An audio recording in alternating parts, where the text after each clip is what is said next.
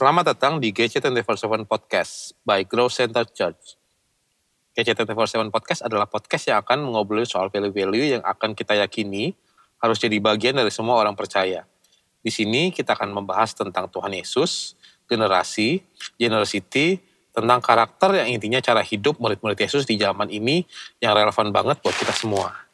Nah, di minggu ini senang banget kita uh, ketemu lagi dan uh, gue gak sendirian, gue akan ditemenin sama salah satu WL kita yang cukup muda, yang sering banget tampangnya kelihatan, mungkin kalau kangen uh, ngedengar suaranya dia di ibadah, kita ada Sandra. Yeay, maaf ya. Kayak udah hampir ketawa, agak kesel gue denger. Apa kabar lu, San? Aduh. Baik-baik, sehat kak. Gimana lo kabar? Iya, begitulah, puji Tuhan. Menggendut. Oke semua, jadi di episode kali ini senang banget ada satu co-host baru lagi. Um, gue mengundang salah satu WL dari Grow Center Church. Um, paling muda kayaknya dari antara semua WL. Um, senang Nah, banget ada gitu ya. Sandra. Oh nggak paling muda ya? Masih Iya. ada masih ada siapa? Masih ada Ines ya? Yes. Oh iya. Masih Hai Sandra. Masih ada gue lah. Wow. Ini ternyata ada satu Dan lagi sebuah, sebuah teaser.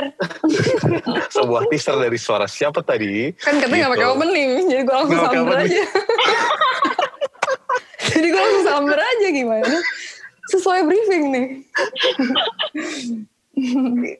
Biar semua tahu um, apa uh, kita juga punya tamu spesial banget yang tadi suaranya udah kedengeran suaranya merdu banget kayaknya kita punya Monita Tahalya Halo semuanya. Yeay, seneng banget nih Hai Mon, apa kabar lo? Baik. Ya gak pada baik, katakan that's me. Gila itu internal jokes banget. banget nih Lokal banget, Mungkin lokal buat yang nggak tahu Iya itu Siapa itu tahu ada yang jawab pendengarnya banget. nih, Dit. That's me, Kak. Gokil. Oh iya, wow Mon Lo gila udah lama banget gak ketemu Gimana Mon, sehat? Sehat, So far hidup gimana? hidup diberkati. Amin. Gokil. sedih. Sandra gimana Sandra? Sandra gimana, Sandra? Alhamdulillah, puji Tuhan ya bisa dilihat. Ini pipi agak mengembang ke kanan dan ke kiri. Diberkati, berlimpah. wow. Limpah, limpah. Senang banget ya kita semua mengendut bersama. Um, jadi di episode kali ini spesial banget. Kita ada Monita Tahalia. Kita akan banyak ngobrol banget soal um, worship lifestyle. Um, satu Iya. hal yang mungkin kalau misalkan misalkan kita mau olah lebih banyak, sebenarnya kita semua udah tahu gitu. Part of our life adalah um, salah satunya worship. Alkitab pun udah bilang uh, di ayatnya dengan jelas bahwa um, persembahkanlah tubuhmu sebagai persembahan yang hidup dan itu tuh udah clear. Aku rasa kita nggak akan terlalu banyak uh, ngebahas di sana, tapi pengen tahu nih, pengen gali banyak dari seorang Monita Tahalea yang pekerjaannya memang benar-benar bermusik gitu. Ya. Jadi pertanyaan pertama, Oke. Monita, gue panggilnya Jeng, Momon jeng. aja ya, biar kita kesannya Siap. akrab ya. Boleh, Mon. boleh. Pertanyaan pertama, jeng jeng jeng jeng. Menurut lo, Mm. bedanya bermusik dan menyembah itu apa, Mon?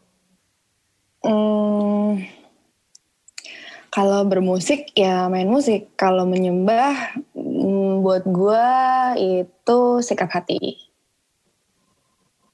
Wow. Bisa dielaborasi? Artinya kayak lu, lu um, kalau dalam konteks, kalau konteks um, lu nih pekerjaan lo, kan kalau misalkan kayak gue nih, um, mungkin kita, mungkin gue me- melakukan penyembahan, apa, uh, either, either itu um, satu teduh sendiri, itu akan dilakukan di private time kan gitu. Sedangkan lu kan, lu lakukan itu di stage lu sendiri. Nah, um, lu merasakan ada sedikit perbedaan gitu gak sih, Mon? Apa, apa yang Hmm. dari lu rasakan? Gini, eh, gua gua bisa bermusik tanpa punya hati yang menyembah. Oh, wow. Tapi kalau gua punya hati yang menyembah, mau gua bermusik kek, gua mau gua nyapu lantai kek, mau gua eh, pergi ke warung kek, ya hati gue menyembah Tuhan gitu. Jadi mau apa pun yang lo lakukan, mau bermusik, mau akuntan, mau dokter, eh, apa pun profesi lo, pekerjaan lo, kalau lo punya hati yang menyembah ya that's it. Itu identitas lo gitu.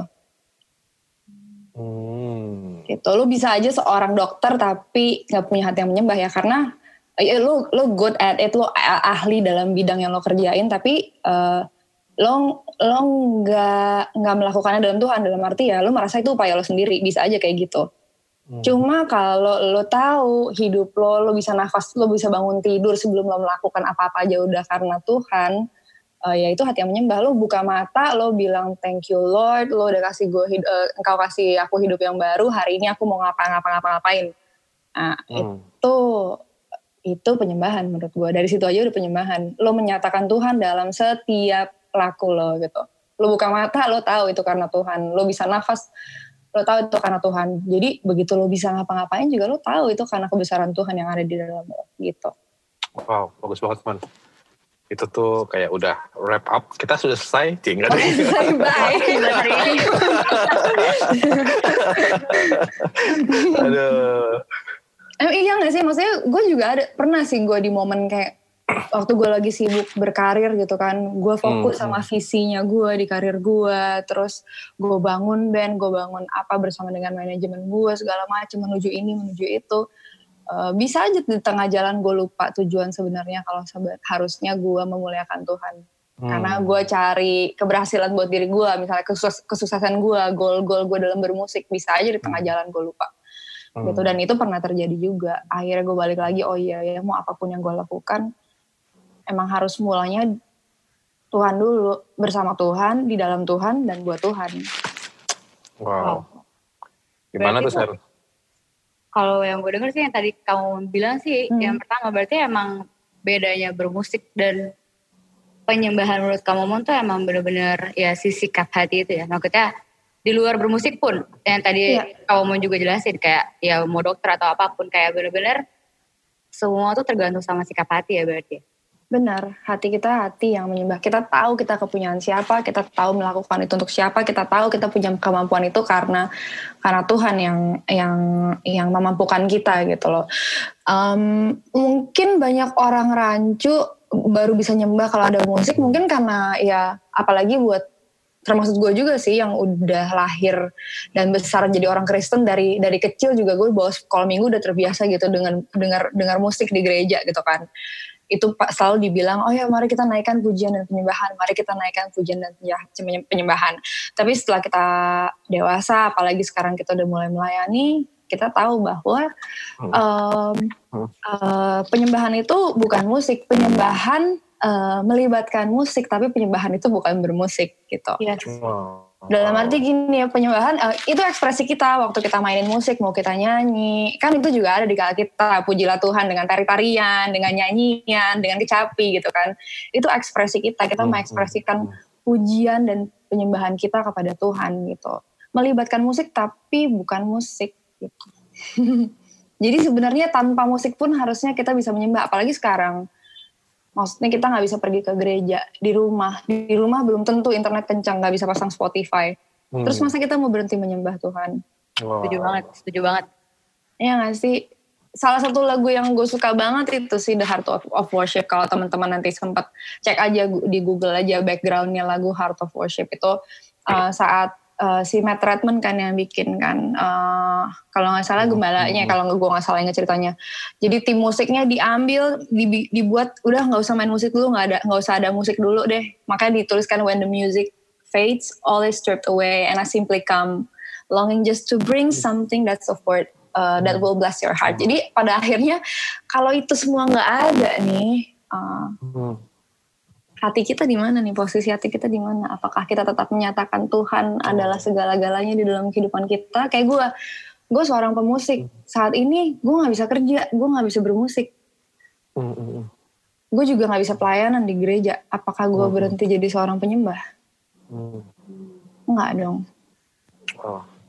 um, thank you man itu powerful banget sih. Hmm kayak semua yang yang mau kita bahas lumayan banyak hmm. um, apa udah rap dari kita bisa mulai dari kata-kata itu tuh. Nah hmm. um, kalau misalkan gue bisa dalamin lagi mon um, um, kalau lo nih secara pribadi um, how do you uh, do your own worship gitu um, hmm. private time lo kayak gimana atau ap apa pun cara lo uh, worship apa yang secara personal lo consider itu uh, God this is uh, my way of doing worship to you gitu. Kalau kalau Hmm. Monita Talia tuh melakukannya seperti apa?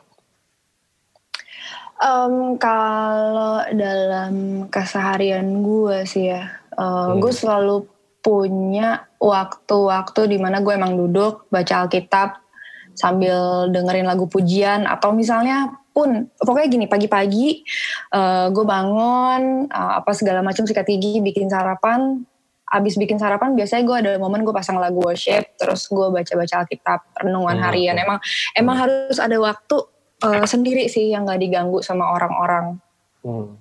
Eh, itu worshipnya gue. Kalaupun lagi nggak ada itu, kadang-kadang misalnya gue lagi di jalan nih, misalnya gue harus berangkat pesawat pagi. Kalau kalau misalnya waktu itu masih kerja kerja keluar kota, Hmm. pesawat pesawatnya jam 5 pagi. Berarti gue jam 3 pagi harus jalan di bandara. Itu bisa sambil gue sambil merem, gue bilang, aduh thank you Lord, gue hari ini mau pergi mau pergi ke kota ini, Tuhan Yesus jagain apa segala macam. Ya gue ngobrol biasa gitu aja sih. Atau Hmm. misalnya eh, di hari pulang kerja lagi macet-macet tahu kan macet di Jakarta kayak gimana bisa berjam-jam di jalan itu bisa kadang-kadang Iya, di iya. jalan gue sambil nengok ke, ke jendela gue cerita aja gitu Tuhan hari ini capek banget tadi sempet kesel sama ini tapi bantu gue dong untuk ampunin dia.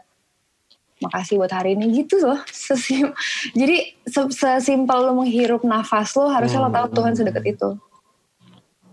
Hmm. gitu. Maksudnya gue belajar Hmm, untuk itu sih makanya gue gue seneng traveling gue seneng apa karena gue mau ke mana pun gue pergi gue nggak bisa nggak menemukan nggak nggak menemukan karya Tuhan gitu di sekitar gue Hmm. itu yang bikin gue selalu kayak aduh Tuhan makasih ya. Setiap gue lagi capek terus ngelihat ngelihat orang atau ngelihat keluarga gue yang gue sayang masih ada sama gue di situ gue bisa bilang Hmm. aduh Tuhan makasih. Sesusah Hmm. apa pun kita masih bisa mengucap syukur. That's worship gitu. Kita suka eh, itu apa maksudnya kita familiar dengan kata praise and worship. Ya. Eh, dulu kita mikirnya praise itu lagu cepet worship itu lagu lambat. Hmm. tapi ternyata praise itu adalah ya pujian yang kita naikkan, sukacita, sorak-sorai uh, yang kita naikkan buat Tuhan, haleluya, uh, bersukacita karena Tuhan. Tapi kalau worship itu sekalipun doa kita belum terjawab, sekalipun aku berjalan dalam lembah kekelaman, Engkau tetap Tuhan. That's Hmm. worship. Wah. Gitu. Kayak sekarang nih, selama pandemi, kalau mau dibilang nyanyi, nggak bisa dibilang nggak ada sama sekali musik yang Hmm. gue jalanin gitu, nggak ada sama sekali. Hmm. And yet gue masih bisa cukup aja sampai hari ini, udah berapa bulan nih, Hmm. gitu. Ke- apa maksudnya kerjaan susah banget, cuma sampai hari ini masih cukup. Gue masih punya internet untuk ngobrol sama kalian Hmm. gitu gue masih ada keluarga yang bersama-sama dengan gue gitu ada teman-teman yang kirim makanan dalam keadaan sesusah sekali sus- sesulit apa pun kita masih bilang Tuhan kau baik Tuhan Hmm. kau setia that's worship Oh, wow. Indah banget ya jawabannya.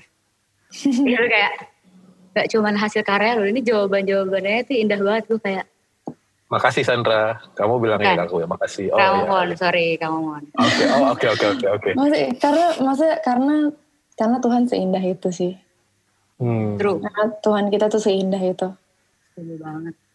Dan kalau kalau aku boleh kepo dikit tadi kan kakak Hmm. bilang kayak kakak tuh bener-bener selalu menemukan uh, Tuhan di, di di setiap waktu kakak, meskipun Hmm. mungkin ada masalah juga tuh di dalam Iya, iya. hidup Iya. atau mungkin dalam pekerjaan gitu, uh, secara Hmm. sempit yang kita bisa bahas. Nah, boleh gak sih uh, aku kepo dikit kayak Mm.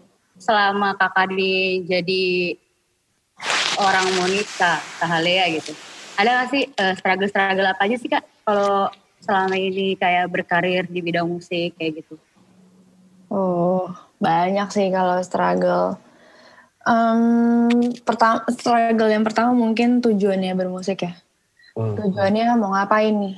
Mau jadi populer atau mau menginfluence Hmm. gitu. Kalau ada lah pasti titik di mana awalnya motivasinya mau menginfluence orang dengan karya apa segala macam mau jadi dampak yang baik, tapi nggak bisa dibohongin kalau popularitas itu menggiurkan karena dengan nama yang lebih populer kita bisa berbuat lebih banyak, bisa dapat duit lebih banyak segala macam gitu kan.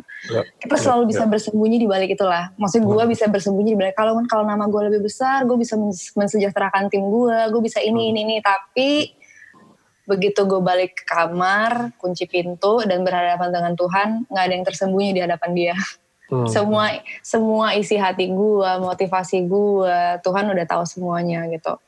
Jadi itu yang selalu menolong gue berkali-kali sih ketika gue duduk diam dan Tuhan Roh Kudus menghampiri gue dengan dengan ngingetin lagi uh, ngingetin lagi tentang cintanya dia ke gue harusnya gue ngapain di musik ini itu yang selalu balikin gue lewat surrounding juga ya lewat teman-teman hmm. lewat keluarga yang selalu ngingetin kita gitu jadi kalau struggle itu sih gitu uh, makin apalagi makin ke sini uh, udah mulai berkarir nih yang paling susah kan maintain karir kan hmm. apalagi sekarang ada sosial media gimana caranya supaya jadi viral supaya dikenal terus ah banyak deh distractionnya itu itu yang kayak hmm. gitu-gitu tuh yang yang harus apa ya secara apa ya secara di dalamnya tuh harus kuat gitu. Nggak bisa kuat di nama doang. Harus harus akarnya kita harus kuat dulu. Kalau nggak kita akan goyah ke kanan dan ke kiri dan akhirnya hilang tujuan gitu. Jadi kalau mau dibilang challenge banyak banget sih Sandra sampai bingung mau, mau yang mana dulu nih yang yang mana nih ya? Tentang apa nih? Apakah tentang identitas? Apakah ya. tentang ya. apa gitu? Yang mana nih? Mungkin lebih ke sebagai gimana ya kan kakak kan uh, karena berkarir ini kan pasti dituntut untuk uh, memberikan karya-karya baru tapi kayak hmm. di satu sisi eh, nggak uh, mungkin juga dong kayak misalnya misalnya gue gue nggak tahu sih mungkin misalnya kayak hmm. ditekan untuk kayak ayo keluarin karya baru tapi kayak sebenarnya uh, ya nggak mungkin lah seorang seorang seniman seniman yang baik itu pasti kayak nggak mungkin banget kan ngeluarin karya yang asal-asalan aja dan uh-huh. nah itu tuh jadi struggle gak sih buat kakak kayak maksudnya untuk kakak tuh bener-bener uh, yang tadi kakak bilang kakak kan ngelakuin semuanya tuh emang bener-bener ngejaga hati banget maksudnya tet, uh, berusaha banget untuk memaintain hati ini untuk tetap punya fokus yang benar gitu dan dan selama hmm. nyipta, menciptakan karya-karya selama ini tuh uh, ada struggle apa gak sih kak? Ya. Yang bisa dibagiin mungkin?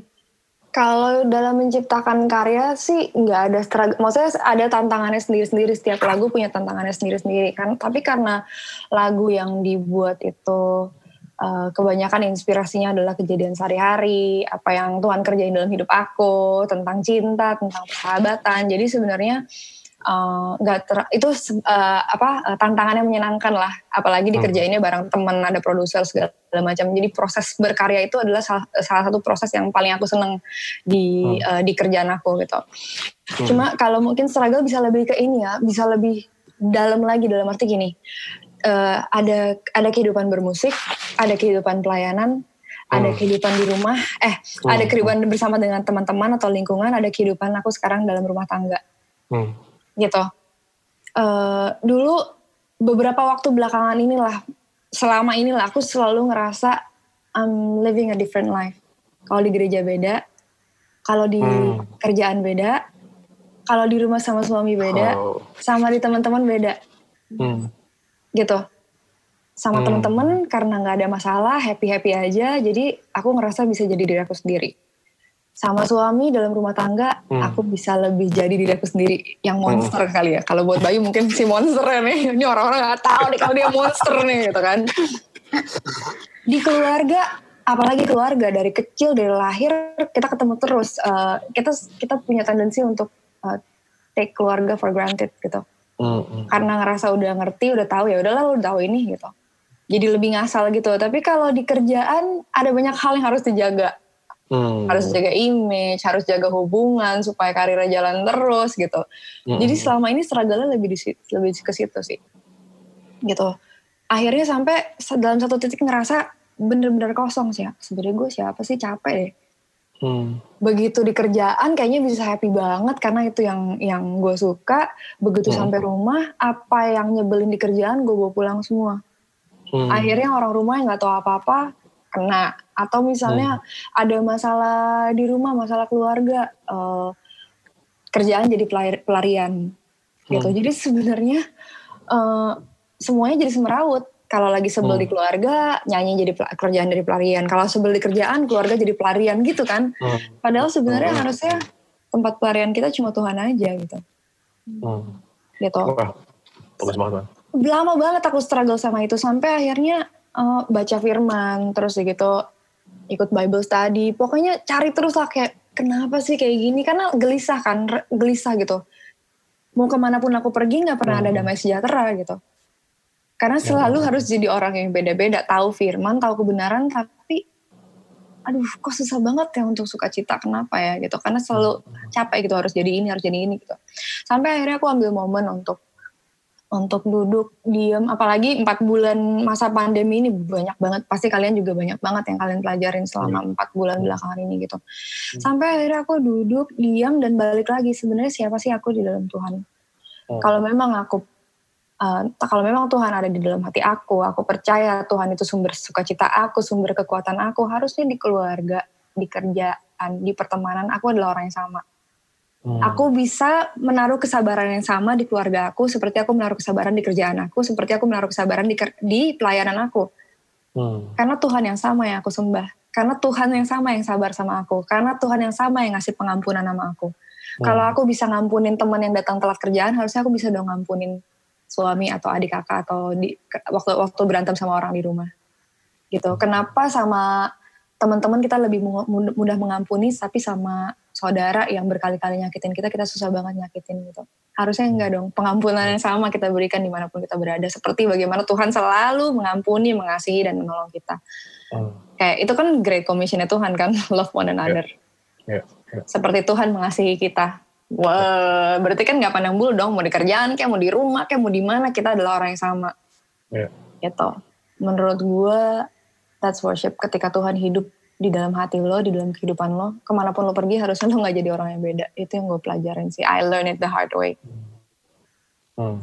Uh, Man, kalau yep. misalkan nih, um, apa, um, kayak tadi gue bilang, mungkin apa nggak um, banyak orang yang kerja di musik, tapi hmm. pelayanan juga hmm. di panggung, hmm. gitu. Um, setiap hari Minggu, hmm, Hmm, gimana ya? Gimana lo, lo ada perbedaan gak sih kayak um, satu hal yang tadi lo bilang kayak um, lo bikin hmm. itu jadi dunia dunia yang berbeda kah saat hmm. lo pelayanan um, sebagai worship leader lo lead worship tapi saat di sisi lain um, lo juga ada juga dengan dengan bahasanya apa ya dengan hal yang sama lo lakuin juga di di pekerjaan lo itu tuh lo merasakan ada perbedaan gak sih atau lo treat itu hal yang sama um, atau gimana? Um, uh, ha, sekarang gue belajar untuk ke mana pun gue pergi hati hati gue sama. Gue lakukan itu buat Tuhan. Jadi gini mau di gereja mau ini dalam dalam uh, dalam konteks ini ya gue nyanyi dan sambil WL juga ya. Du, dulu gue pikir uh, eh, WL tuh tanggung jawabnya lebih besar daripada gue nyanyi di panggung hmm. kerjaan gue hmm. karena kalau WL tuh gue nyanyi di gereja um, terus uh, di depan jemaat buat Tuhan jadi kayaknya harus kudus banget gitu. Sedangkan kalau di panggung kerjaan gue ya udah gue bisa berekspresi aja jadi diri gue sendiri. Dulu gue pikir kayak gitu makanya setiap mau WL gue selalu lebih deg-degan daripada mau gue mau nyanyi gitu. Deg-degannya beda lah gitu. Tapi itu begitu gue belajar begitu gue tahu sehati hmm. sepikir menyembah Tuhan dalam roh dan kebenaran. Jadi harusnya nggak di gereja doang dong. Apalagi kita dipanggil untuk jadi terang dan garam, harusnya di luar juga kita sama dong, kayak di gereja. Gitu. Di situ mulai banyak deh gue baca, semakin gue baca, semakin gue cari tahu, semakin Roh Kudus kasih pengertian. Dan gue percaya kalau semakin teman-teman cari, teman-teman juga akan temukan itu. Tuhan akan hmm. tuntun pasti. Gitu. mulai gue mikir di gereja, wah di gereja nggak ada yang tersembunyi, tapi gue di panggung juga nggak ada yang tersembunyi buat Tuhan gitu Tuhan nggak hmm. peduli mau di panggung yang terang mau di panggung yang gelap Tuhan bisa lihat kok isi hati kita gitu hmm. jadi waktu waktu gue di gereja nyanyi ke jemaat sama waktu gue uh, di panggung kerjaan ya tetap Tuhan bisa bekerja Tuhan selalu bekerja gitu hmm. waktu di waktu gue lagi nge sebelum gue berangkat gua, tugas gue kan cuma uh, uh, cuma mengantarkan jemaat kan. Bukan mengantarkan ya maksudnya kita semua punya tanggung jawab untuk ya udah hadir Tuhan udah di situ kita masuk ke dalam hadir Tuhan siapin hati. Tugas gue ya uh, menyatakan kebesaran Tuhan lewat lagu-lagu yang gue nyanyiin gitu. Hmm. terus jemaat mau dijamah itu udah kerjaannya Roh Kudus bukan kerjaannya gue bukan karena suara gue berdu. Terus hmm. uh, apa terus uh, jemaatnya dijamah Tuhan itu karena udah Roh Kudusnya bekerja gitu kalau di gue di kerjaan juga gitu waktu gue nyanyi mau lagunya tentang cinta apa segala macam tapi kalau tiba-tiba ada orang yang terinspirasi mau tahu gue lebih lagi terus menemukan Tuhan ya itu juga bukan karena gue Tapi karena Tuhan bekerja melalui gue. Tapi Tuhan nggak bisa kerja kalau hati gue nggak benar. Hmm. Gitu. Di gereja pun juga gitu. Kalau hati kita nggak benar, ya gimana kita bisa siap untuk dipakai jadi vesselnya Tuhan gitu. Hmm. Hmm. Jadi makanya di situ gue kayak oh iya sebenarnya nggak ada bedanya gitu. Jadi nggak ada dunia istinya dunia rohani, dunia sekuler gitu nggak ada Hmm. gitu. Ya kita di sini diutus jadi ambasadornya dia kan. Hmm. Mau di dan dan tugas kita bukan cuma di kotak gereja doang, Hmm. justru harus yang harus cari Tuhan tuh di luar sana Hmm.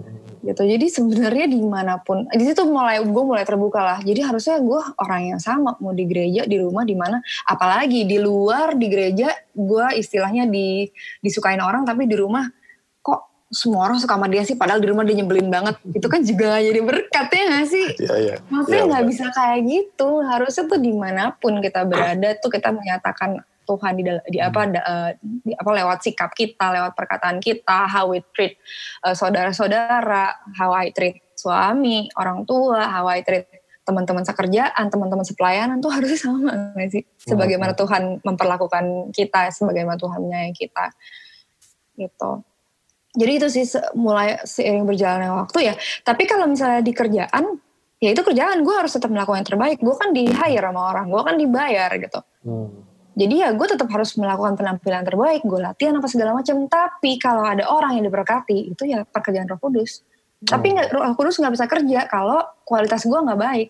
Kalau Hmm. kualitas gue sama teman-teman tim di belakang gue nggak baik, kalau kualitas hati gue nggak baik ya gimana kita mau jadi berkat gitu. Apalagi ya di gereja gitu ya sama. Menurut gue semua sama sih gitu. Apalagi di gereja sebenarnya tempat gue belajar. Karena di gereja kan volunteer Hmm. gitu. Hmm.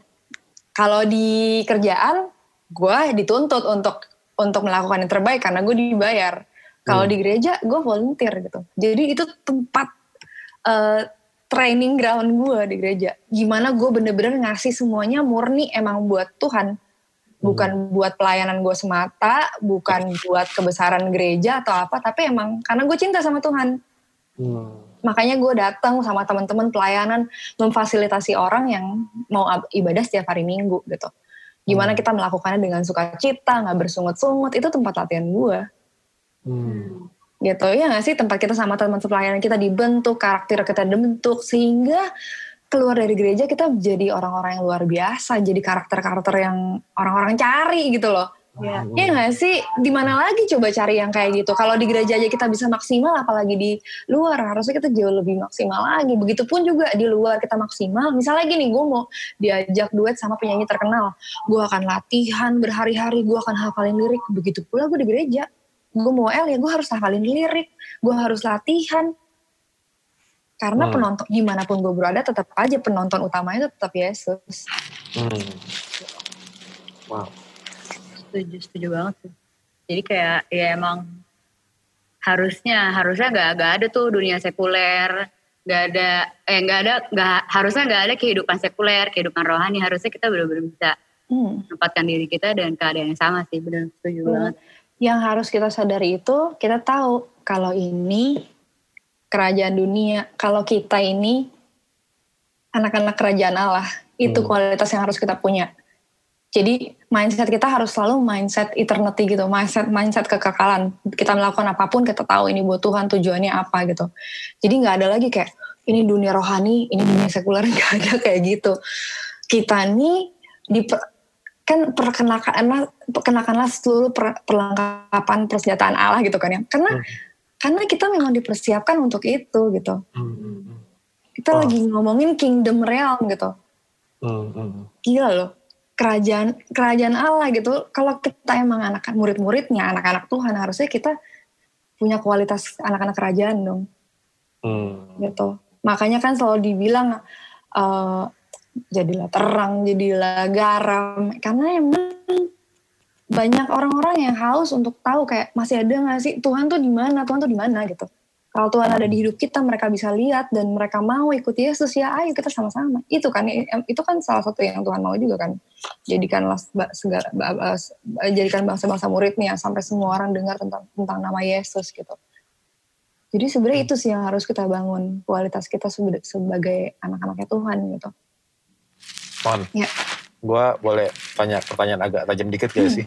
Um, Boleh, lo nggak pernah tergoda dengan glamornya dunia entertainment, mon? Lo nggak pernah, maksudnya kayak um, your, your, apa, mungkin kayak push diri lo sendiri atau Hmm. uh, set set apa ya kayak yaudah deh kompromi beberapa hal uh, untuk mencapai ke titik tertentu gitu-gitu kan maksudnya uh, dari sisi excellence kan uh, mungkin um, cukup untuk sampai ke titik sekarang. Tapi um, entah kenapa untuk sampai ke titik situ kan kadang kita harus push um, diri kita kok kadang-kadang kompromi supaya bisa diterima orang lebih luas gitu lo pernah ngalamin kayak gitu gak sih man? Um, tergoda sih pasti pernah lah, Dit. Pernah banget. Tapi sampai gue melangkahkan kaki gue untuk ngambil shortcut, puji Tuhan Tuhan selalu jagain gue gitu.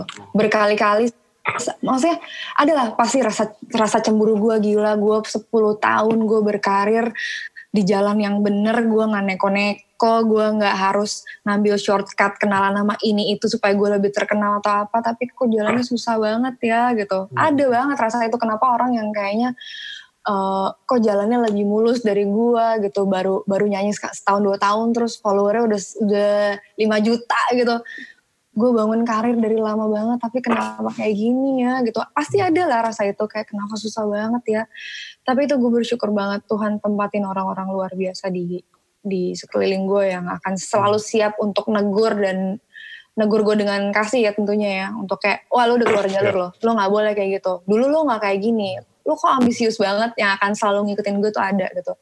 Dan terlebih lagi ya itu Hmm. apa ya em, gue nggak kebayang sih kalau gue ad- ada di dunia nyanyi ini tanpa Tuhan gue akan jadi kayak apa. Gue nggak bias nggak bisa bayangin itu dan gue nggak mau bayangin Hmm. itu gitu. Gue bersyukur banget Tuhan selalu ada di setiap langkah gue jadi setiap kali gue tergoda Tuhan pasti tegur gue dengan cara yang sangat lembut dan cara yang sangat menampar gue gitu. Kan Tuhan kan kerjanya personal banget ya. Ya betul. dia tahu banget dit lo gimana Sandra gimana. Jadi dia akan ngomong dengan cara yang kita pasti akan ngerti. Hmm. gitu loh.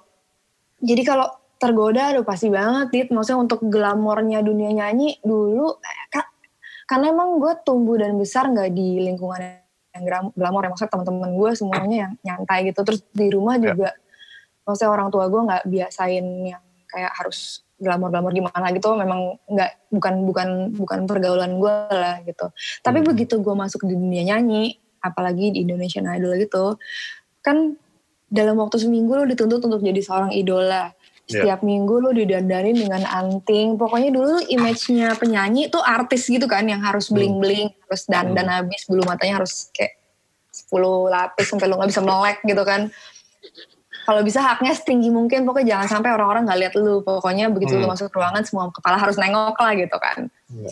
gue pernah mengalami itu gitu didandanin sedemikian rupa cuma bertahun-tahun kayak nggak tahu gue gelisah banget karena gue ngerasa abis gue glamor-glamor pakai anting segala macem pakai baju mahal gue pulangnya naik ojek. Kayak gue mau bohongin siapa sih? Gue ngerasa kayak diri gue sendiri gitu loh. Kayak di luar di depan panggung gue harus kayak semua orang harus ngeliat gue gitu. Tapi Hmm. ya nggak aja sih nggak aja sih. Tapi akhirnya gue mencoba eh, ap- ya gue bekerja keras lah untuk bikin bikin tampilan yang musik gue sesuai dengan penampilan gue sesuai dengan kepribadian gue tapi juga nggak yang berantakan karena gue tahu buat acara klien pasti mau yang rapi yang bagus ya pok- pokoknya eh, sekian tahun lah gue menyesuaikan diri gue yang presentable ke orang tapi juga nggak harus bohongin diri gue sendiri terutama ya gitu Hmm. jadi untuk tergoda glamornya sih enggak. Tapi kalau untuk mencoba lebih besar, gue pernah mencoba lebih besar, Dit. Kayak, kayaknya gue harus, karena Hmm. orang-orang bilang harusnya dengan lo, lo harusnya bisa lebih besar, lo harusnya bisa lebih besar dari si ini, lo harusnya bisa lebih besar dari ini. Kalau udah bertahun-tahun nyanyi, tapi Hmm. kalau masih gini-gini aja, ada lah pasti. Dan akhirnya gue mikir, iya ya bertahun-tahun kok gue gini-gini aja ya, gitu. Hmm. Tapi balik lagi ada selalu ada yang ngingetin gue, terutama manajer gue selalu ingetin. Menurut lo, lo gini-gini aja, tapi lo tahu nggak feedbacknya orang-orang?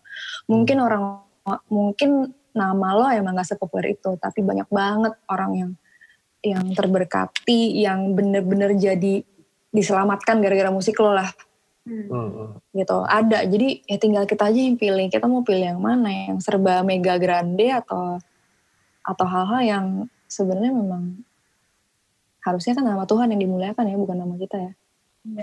gitu gue mikirnya nama gue gak kedengeran tapi sebenarnya nama Yesus dimuliakan Oh. Yang gue pengen kan kok nama gue gak kelihatan sih? Gue udah berupaya banget nih. Tapi memang harusnya bukan namanya kita. Hmm. gitu. Tanpa kita Hmm. sadari Roh Kudus bekerja kok. Dan emang harusnya namanya Tuhan yang dimuliakan. Mulai dari situ gue setiap kali gue langsung kayak tegur diri gue sendiri ingat ingat ingat ingat. Enggak enggak enggak bukan ini tujuan gue gitu. Bukan ini tujuan gue bukan ini tujuan gue gitu. Dan itu memang butuh relationship kita secara pribadi sama Tuhan sih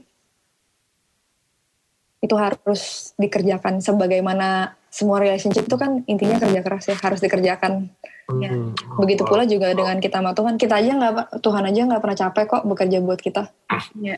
Wow. gitu Lo tuh ngomong kayak musik lo ya bikin sejuk ya, Man. Wow. aduh Eh, lu tanya Bayu siapa sih dia bilang lu belum denger aja kalau dia ngomel. Kemarin kemarin saudara gua kan baru dengerin album gua. Album baru gua kan judulnya dari balik jendela. Terus dia chat gua terus dia bilang aduh lagu ini bagus banget. Gua nangis dengernya gini-gini. Gila ya lu bikin lagu kayak gini tapi pendengar lu nggak tahu ya kalau lu tuh mulut rica mulut rica Ya kan? ampun. lu bikin lagu bagus-bagus tapi mulut tuh tetap rica ya kata gitu maksudnya kayak oh ya udah tapi maksudnya ya ya gitu deh eh, Man, eh, Ya. ini ini pertanyaan gue gak tahu nih, ini akan akan gimana lo ngejawab ya? Ya, Eh, ya, ya. Lo kan, mas gue kayak lumayan apa em, open sama apa em, eh, your faith juga gitu kan. Hmm. Nah, em, itu ada ada pengaruhnya nggak sama orang-orang dekat lo, teman band, em, apa semua yang di lingkungan lo itu yang mungkin agamanya beda, em, ada hal yang ada hal yang berbeda nggak sih yang lo treat mereka atau yang lo mungkin secara sengaja eh, lo belajar untuk em, aduh mengasihi lebih lagi atau apa gitu sih? apa ya hmm, gimana ya gue jelasinnya du, ada sih du, maksudnya gue lumayan open kan dari dulu kan ya cuma gue juga belajar sesuatu sih maksudnya gue harus lihat-lihat tempat juga gue Hmm. apa ya dulu mungkin cara gue open tuh karena gue berapi-api jadi gue eh, bisa dengan mudah konfront orang gitu loh Wow, wow. apalagi di dunia musik gitu kan maksudnya di dunia Iya. musik kan isinya orang-orang dengan kepercayaan dan keyakinan yang beda-beda bahkan ada yang Hmm. Percaya bintang-bintang gitu baru-baru ngomongin Tuhan dia percaya bintang-bintang gue bingung kalau tuh ngomongnya gimana cuma maksudnya? Iya, makanya dulu gue lebih kayak ah percaya bintang terus siapa yang ciptain bintang lu percaya bintang tapi lu gak percaya siapa yang ciptain bintang gue dulu Hmm. lumayan suka Juga kayak ya? gitu gue Oh. dulu dulu lumayan lumayan kayak gitu cuma gue belajar juga kayak dengan kayak gitu juga gue nggak jadi berkat juga gitu. Hmm. maksudnya harusnya nggak usah dengan kata-kata gue harusnya tetap dengan cara gue menghormati dia respect Hmm. dia mengasihi dia gitu. Bukan dengan cara mengkonfront dia gitu. Kalau itu balik lagi sih kalau memang Roh Kudus mau jamah dia Roh Kudus akan jamah dia. Tapi gue harusnya gue nggak boleh jadi batu sandungan dengan mengkonfront dia dengan apa yang dia percaya gitu kan. Hmm. akhirnya gue belajar lah gue belajar lebih bijaksana aja. Setiap gue mau ngapa-ngapain ya gue doa eh, kalau memang ada yang mengganggu hati gue misalnya gue terjebak dalam sebuah conversation yang ngomongin tentang Tuhan apa segala dan kepercayaan gue pasti akan doa dulu dalam hati Tuhan kalau emang gue nggak mesti ngomong apa-apa gue nggak mau ngomong apa-apa. Tapi kalau emang Hmm. Tuhan mau gue ngomong apa kasih tahu gue nggak mau sampai salah gitu. Kayak gitu-gitu sih. Jadi ma- abis itu gue lihat-lihat di band gue tuh siapa aja. Oh, manajer gue juga salah satu. Manajer gue dari tahun 2006 itu uh, maksudnya bukan bukan Kristen gitu tapi Wow. tapi dia nemenin gue pelayanan. Dia ke mana ke mana ke mana. Itu kan karena karena ya ini aja kan saling saling jaga saling toleransi. Dan dia dia, dia juga lihat gitu cara gue ke dia gimana. Gue nggak pernah yang terus Mbak Yesus tuh gede-gede. Nggak nggak tiba-tiba gue, gue ceramahin dia selama di mobil gitu nggak ya. Dia lihat dia tahu kehidupan dia gimana. Dia tahu cara gue mengambil keputusan. Makanya dia menghargai gue makanya dia mengizinkan gue kalau dia lagi kenapa-kenapa mbak boleh nggak gue doain lo dengan cara gue oh ya boleh mon. Hmm. kita bisa nangis berdua di mobil gue doain dia dalam nama Tuhan Yesus dan dia mau terima, dia mau terima ya itu semua karena Tuhan yang bekerja gitu Hmm. gitu karena dia mau oh ya gue percaya nih sama dia. Itu hal yang harus Hmm. dibangun juga relationship juga gitu. Jadi gue nggak sembarangan open dengan iman gue terus tapi menyerang orang lain gitu. Terus kayak teman-teman seben teman-teman seben gue juga nggak nggak semuanya Kristen. Ada yang Muslim ada yang ada yang Buddha gitu kan. Tapi uh, mereka juga akhirnya nggak menolak karena ya relationship yang dibangun itu gitu. Gue gue nggak jarang lo gue ngobrol sama teman-teman seben gue tentang Tuhan. Bahkan produs produser gue juga waktu gue ada beberapa lagu memang yang inspirasi gue kan Tuhan kan dan hmm. dia dengan terbuka menerima cerita gue, mendengarkan cerita gue tentang Tuhan. Oh iya iya, iya. gitu. Karena hmm. apa ya? Kasihnya Tuhan adalah sesuatu yang nggak bisa ditolak siapa-siapa dan wow, ya. kebenaran firman kebenaran firman Tuhan tuh bukan hal yang harus kita bela gitu loh.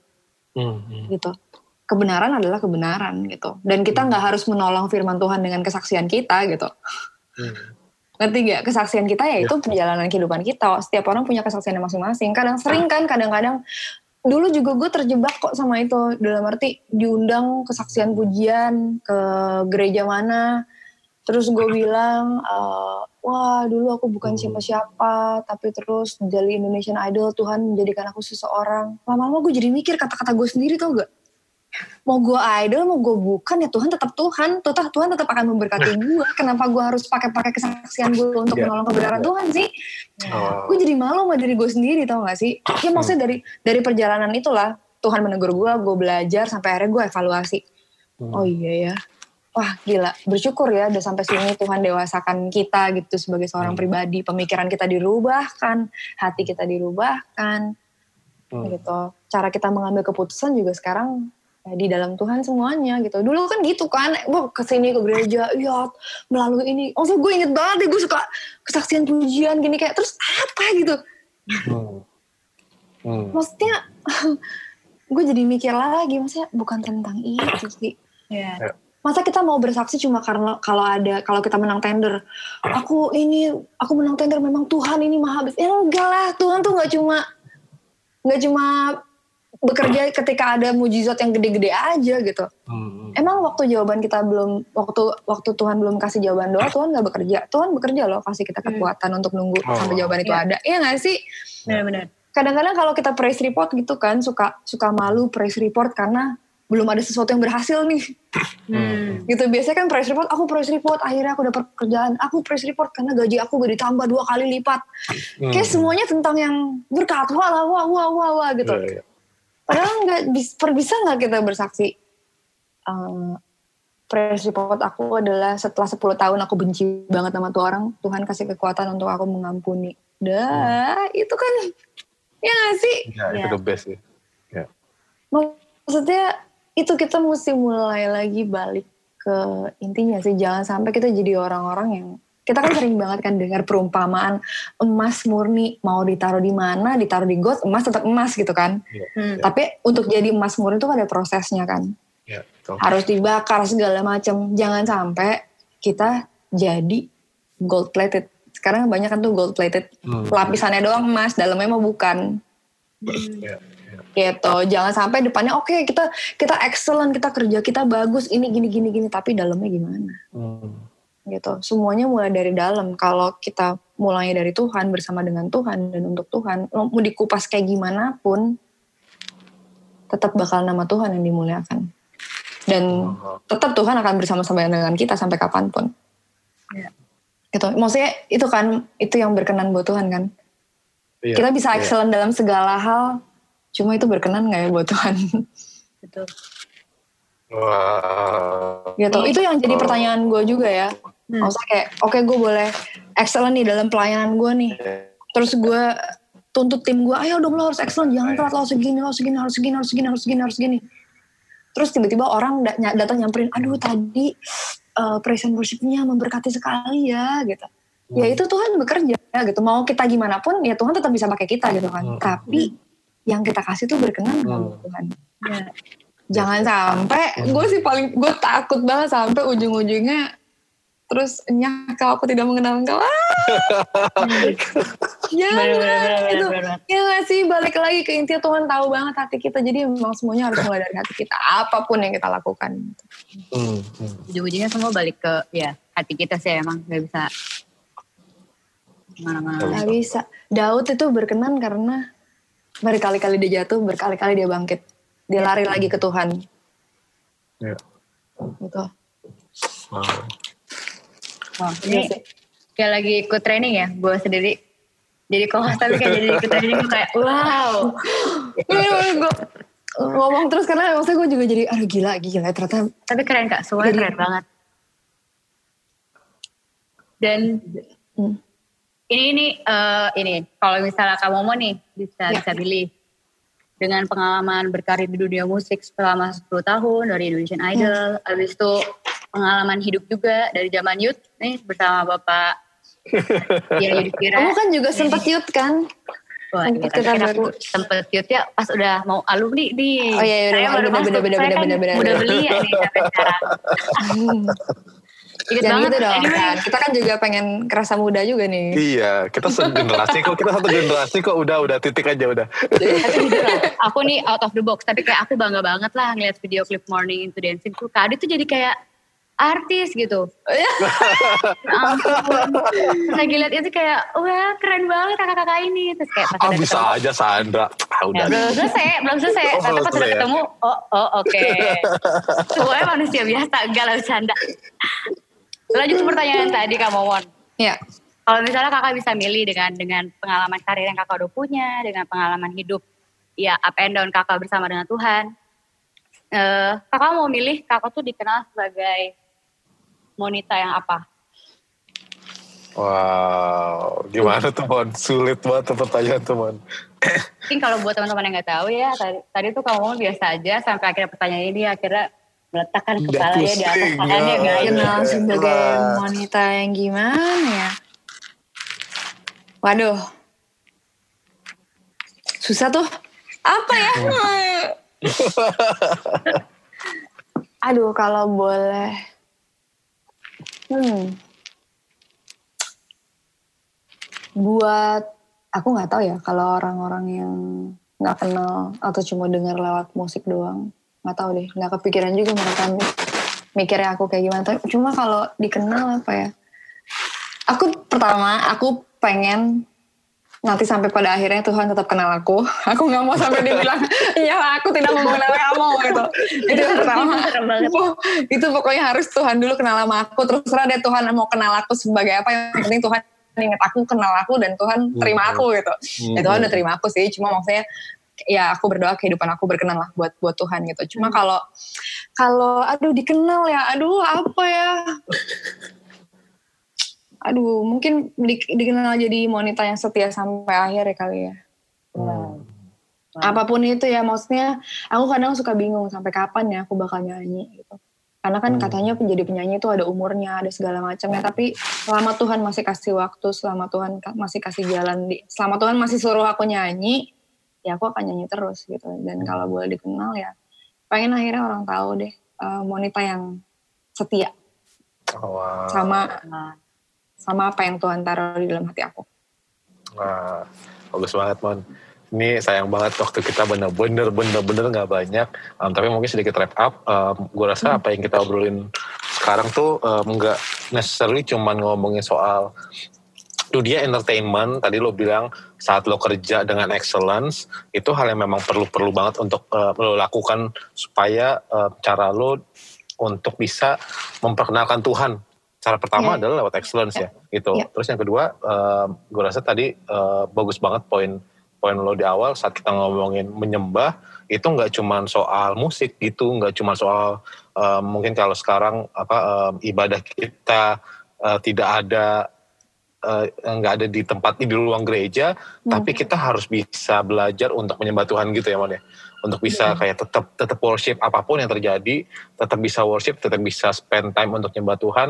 Um, either itu quality time, ngobrol sama Tuhan. Tadi lu banyak banget cerita soal perjalanan lu uh, ke mana-mana, lu tetap ngobrol, build to, uh, relationship, um, sampai ke memang uh, lu treat orang lain gitu. Memang there is worship apa yang lu lakukan gitu. Bagus banget, Mon.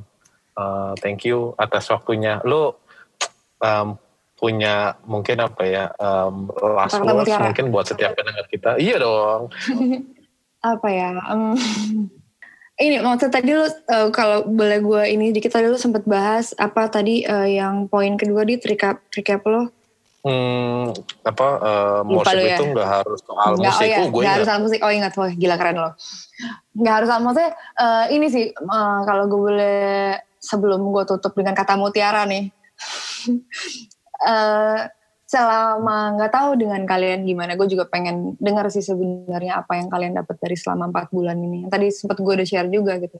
Selama empat bulan ini apa yang gue pikir gue tahu apa yang gue pikir gue bisa apa yang gue pikir jadi identitas gue apa yang gue pikir jadi kebanggaan gue yaitu musik gue dan karir gue itu semuanya lagi nggak ada nggak ada bener-bener semua yang bikin gue kan suka gini oh, kamu harus punya waktu sama Tuhan. Aduh sibuk sibuk. Sekarang semua kesibukan itu diadain.